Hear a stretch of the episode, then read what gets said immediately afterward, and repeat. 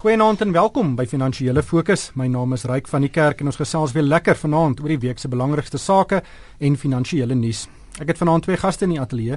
Elna Moelman is 'n ekonom by Macquarie. Goeienaand Elna. Goeienaand. En Theo Forster is van Galileo Capital. Goeienaand Theo. Goeienaand Ryk. Wel in vanaand se program gaan ons gesels oor die voortsleepende staking in die platinumbedryf. Ons het ook die week gehoor dat die inflasiekoers vinniger styg as wat ekonome verwag en dit kan natuurlik verrykende gevolge vir rentekoerse hê.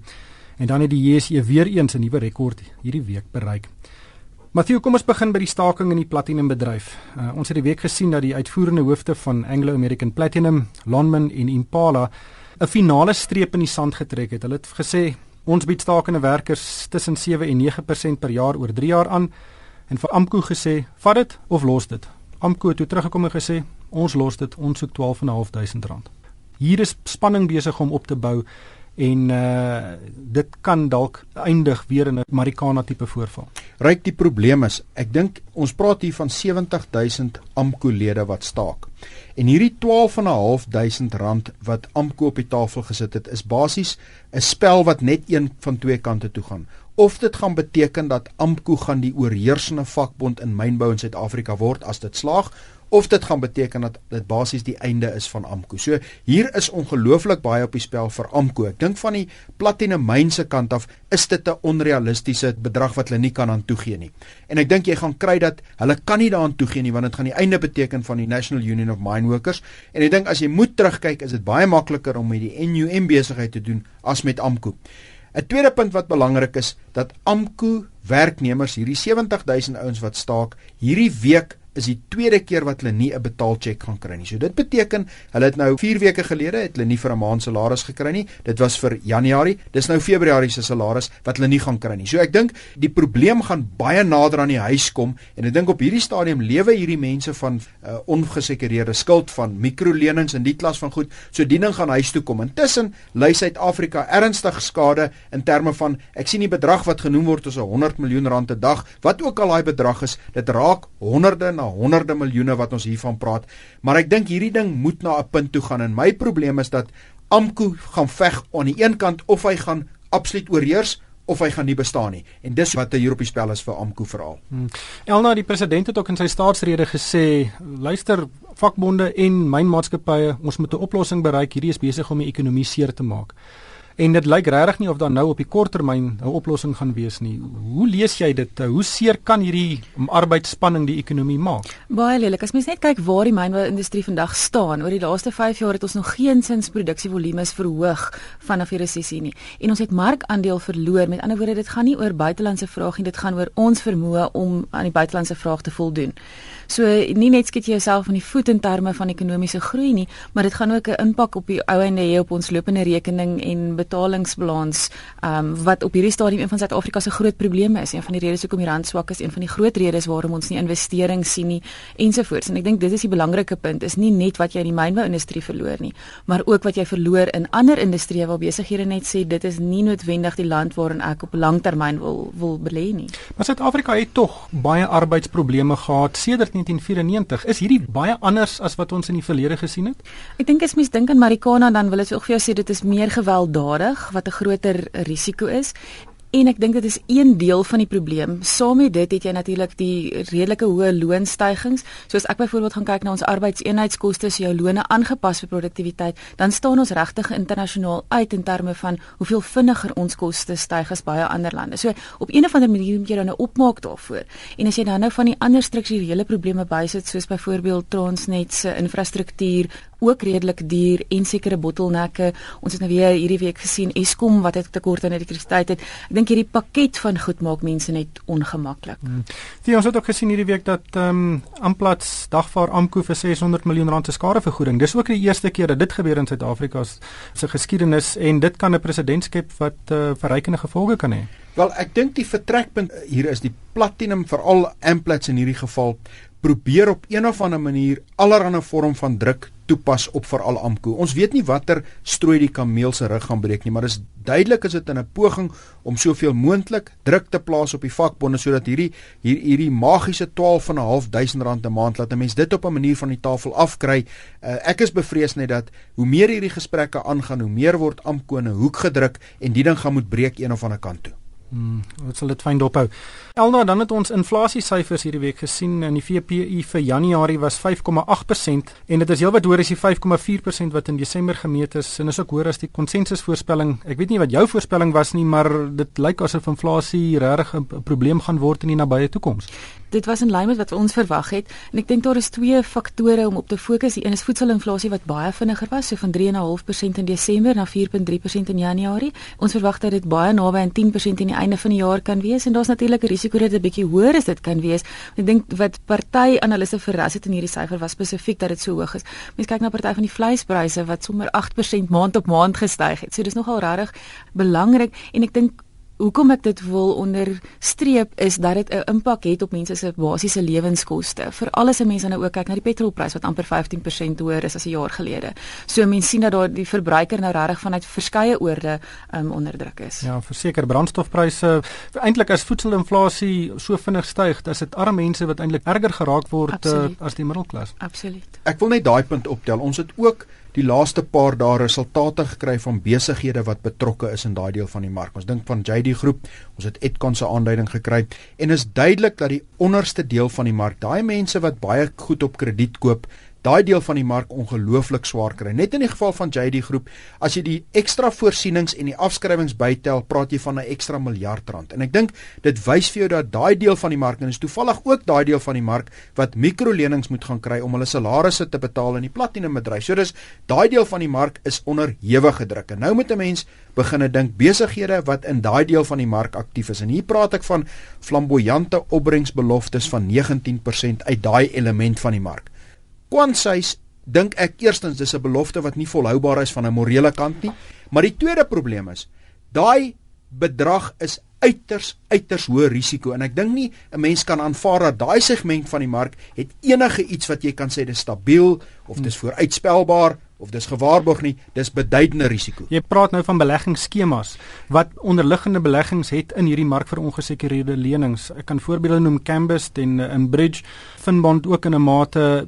Wat dink jy van daai individuele skemas wat juis hierdie uh, hierdie hoë rentekoerse aanbied om mense wat gemik is op mense wat op oomblik in finansiële moeilikheid is. Ek dink daar's eerstens 'n baie groot morele vraag. Wil jy vir regtig vir 'n ou geld leen wat jy addisionele rentes laai net oor die persoon dit nie regtig kan terugbetaal nie en jy kan daai geleentheid sien. Dis die eerste vraag.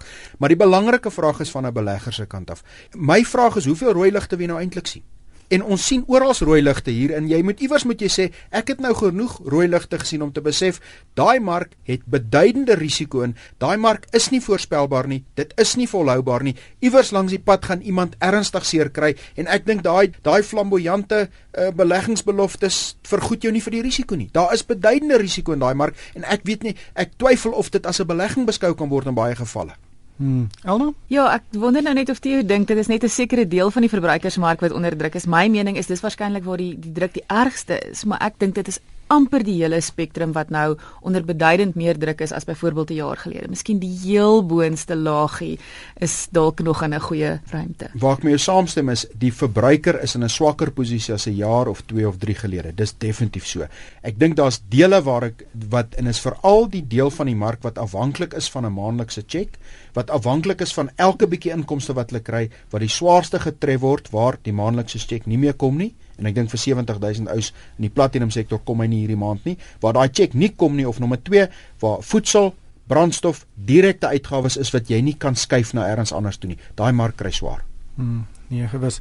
Um, gepraat van beleggings die JSE het hierdie week weer 'n nuwe rekord hoogtepunt bereik. In februarie het hy met 5.5% geval vroeg in februarie en ewe skielik het hy in 'n paar weke dit weer gewen die wisselvalligheid duur voort hier. Ons gaan wisselvallig bly. Ek dink wat jy moet gaan kyk as jy kyk die afgelope 12 maande dan was die wat verlede jaar was die tema dat ja, die mark styg, maar is eintlik drie aandele wat meer as helfte van daai stygings veroorsaak en dit was die geval. As jy kyk na brouerye, jy kyk na Richmond, jy kyk na Naspers, as jy daai drie uitgevat het, het die mark letterlik minder as helfte gedoen van wat hy gedoen het. Maar wat ons nou begin sien is, ons begin ander sektore sien wat ook stadig gaan vir jou die stygings en die dryfkrag agter dit gee. Ek dink wat 'n mens moet onthou, wanneer 'n mark op relatief duur vlakke is histories en die prys-verdienste verhouding is hoër as die langtermyn gemiddeld, maar dis maar net een instrument om dit te meet. Wanneer jy in hoër dele dele van die mark is, gaan wisselvalligheid en onsekerheid gaan toeneem. En wanneer wisselvalligheid en onsekerheid toeneem, dan gaan jy die die wisselvalligheid in die bewegings en markpryse sien. So ek dink nie dis vreemd laat ons dit sien nie. Ek dink wat jy jou vraag moet afvra is, is hier 'n sektorrotasie wat gaan plaasvind en watter sektore gaan wen en verloor aan die een kant? Aan die ander kant is hier besig om bateklas prestasies te skuif. Dit wil sê dat die risiko-opbrengsverhouding moet jy gaan hermeet. En ek dink ons is in daai veranderende omgewing. So wisselvalligheid, dit gaan met ons wees vir die volgende klompie maande. Hmm. Kom ons uh, spring gou na daar was 'n baie groot uitspraak deur die konstitusionele hof hierdie week. Um, en die hof het bevind dat verskeie prokureurs se gebeurlikheidsfooi strukture vir eise teen die padongelukke fonds onwettig is. En 'n gebeurlikheidsfooi is natuurlik waar 'n prokureur 'n presentasie van 'n uitbetaling kry indien daar 'n uitbetaling is en daar's geen kontantkoste vir die applikant as hy of hy nie die, uh, enigiets kry uit die eis uit nie. Een van die voorbeelde wat ter sprake gekom het, um, was Joanli de la Coeur en sy was in 'n ongeluk en het lelik skeer gekry en sy het 2.5 miljoen rand by die padongelukke fonds gekry. En Ronald Bobroff het haar saak hanteer en sy rekening was 868 000 rand terwyl dit volgens die uh, gebeurlikheidswet so wat 250 000 rand moes wees. Theo, wat is die boodskap hier? Ek dink hier's 'n paar boodskappe. Ek dink nommer 1 Ongelukkig is dit moeilik om toegang te kry tot die regstelsel in Suid-Afrika. Dis ook in die uitspraak aangeraak dat om so eis te bewys het jy aktuariële berekeninge nodig van hoeveel geld het ek verloor, jy het mediese kundigheid nodig om te sê hoe seer het ek eintlik gekry. Maar die punt van die saak is wanneer daar groot geld betrokke is en groot geld skuif van een persoon na 'n ander persoon, dan is daar onreëlmatighede. En ek dink die vraag hierso is tot watter mate kan 'n mens daai onreëlmatighede probeer ondervang en sorg dat almal alles binne die wet geskied en ek dink dis dis die vraag wat jy moet vra is ehm um, tot in watter mate gaan jy seker maak dat aktiwiteite binne die wet geskied en tot watter mate buite die wet geskied? Hmm, ons sal dit ook vind op daar's 'n hele paar hofsaake wat sekerlik hierop sal volg. En indien iemand 'n uh, uitbetaling van die padongelukfonds gekry die afgelope dekade deur 'n gebeurlikheidsfooi struktuur sal dit 'n goeie raad wees om dalk net 'n prokureur te gaan sien. Gaan kyk mooi na wat die uitspraak was en wat jy gekry het. Daar's sekere riglyne wat dit beperk en sekere terme waaraan voldoen moet word. So ek dink die die antwoord hier is wanneer jy hierdie aktiwiteite kry en lyk my dit is in baie gevalle het dit gebeur, maak seker jy is binne die reëls. Hmm. Elna, ek weet jy is 'n baie groot Facebook en WhatsApp gebruiker, maar ons het hierdie week 'n internasionale transaksie gesien wat eintlik die die monde laat oophang het. Facebook het vir WhatsApp gekoop vir 19 miljard dollar, dis 210 miljard rand wat 'n vyfde is van ons nasionale begroting. Dit is groter as Standard Bank, First Rand, Vodacom en Old Mutual. Hulle markwaarde is onder 210 miljard rand.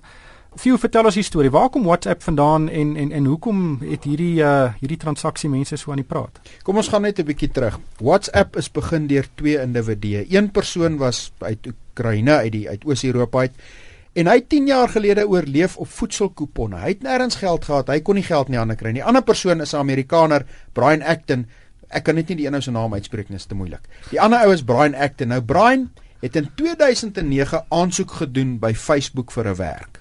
Hy was te lig bevind. Facebook het hom nie in diens geneem nie. Hy het dit nie gemaak nie. Hy het by Twitter probeer, maar hulle kon hom ook nie in diens neem nie. Nou verkoop hy en sy mede-eienaar die besigheid vir 19 miljard dollar. Die punt van die saak is WhatsApp het 450 miljoen gebruikers. Hulle kry 'n miljoen gebruikers 'n dag by. Hulle het byvoorbeeld verlede jaar is daar meer boodskappe op WhatsApp gestuur as Amerika en en China se totale SMS boodskappe saam is meer op WhatsApp gestuur. So die punt van die saak is dit is 'n ding wat baie algemeen gebruik word, maar die probleem is daai prys wat jy betaal het. WhatsApp is verniet vir die eerste jaar, die tweede jaar betaal jy net onder 'n dollar. So hulle het basies 42 dollar per gebruiker betaal Nou moet jy vra, hoe gaan hulle daai geld terugkry? Is dit die moeite werd? Die punt wat ek dink wat hier belangrik is, hulle het dit nie noodwendig gekoop vir die wins wat daarin sit nie, want daar's duidelik nie baie wins nie. Daar moes 'n ander argument gewees het. Ek dink dit gaan oor hierdie 450 miljoen mense wat hulle bykry op hulle op hulle stelsel en waarmee hulle al meer en meer gaan doen. Dis die enigste rede hoekom jy dit kon gekoop het. WhatsApp is in 2009 begin, so die besigheid is 5 jaar oud en daar werk net 55 mense daar. 55 baie ryk mense nou. Ek is seker. Ella, sal jy bereid wees om te betaal om WhatsApp te gebruik? Nie baie nie. Sal jy advertensie wil sien terwyl jy uh, WhatsApp gebruik? Nee. Die vraag wat jy moet vra is op enige normale sake beginsels maak dit nie sin nie. Daar's geen manier wat jy 19 miljard kan betaal vir hierdie besigheid nie. Behalwe as daar heeltemal as daar iets is wat ons nie verstaan nie. En ek dink dit moet iets wees van die 450 jonger mense wêreldwyd wat die ding gebruik op 'n daaglikse basis. Daar moet iets daarin wees wat op een of ander manier kommersieel kan word want vir my beginsels van opbrengs en kapitaal en wat jy daai uit wil verdien maak dit nie sin nie. Ja, wel ek dink is 'n wonderlike diens en ek dink hierdie hele transaksie bewys ook net as jy daai goeie idee, hulle is daar. Ja, wel hulle is daar. Hulle is Jy moet hom net uitdink en jy moet hom in werking stel en met ek, ek kan nie dink hoe hoe, hoe, hoe moet mense gemoedstoestand wees as as Facebook vir jou sê, "Sorry, jy's nie goed genoeg om by ons te werk nie." Om dan terug te gaan in jou idee dan te implementeer en dan 5 jaar later verkoop jy dit vir reg omtrent 'n klein land se BBP. Wel dit dit is die grootste bedrag wat nog betaal is vir wat hulle in Amerikaans noem 'n startup, 'n silicon startup. Dit is die grootste bedrag wat nog daarvoor betaal is. Maar dis 'n huishoudelike naam reg oor die wêreld. Ek dink die punt wat as mens kyk na Elna se kommentaar en jou vrae daarop is Hoe lojaal is daai 450 miljoen mense want in baie lande is daar baie ander produkte wat almekaar met hulle kompeteer, maar hierdie transaksie moes gegaan het rondom daai 450 miljoen mense en hoe jy hulle meer aktief betrokke kry by die res van Facebook. Ongelukkig hierdie tyd ons ingehaal. Baie dankie aan Elna Moelman van Macquarie en Theo Forster van Galileo Capital. En van my ryk van die kerk, dankie vir die saamluister en ek koop almal met 'n winsgewende week.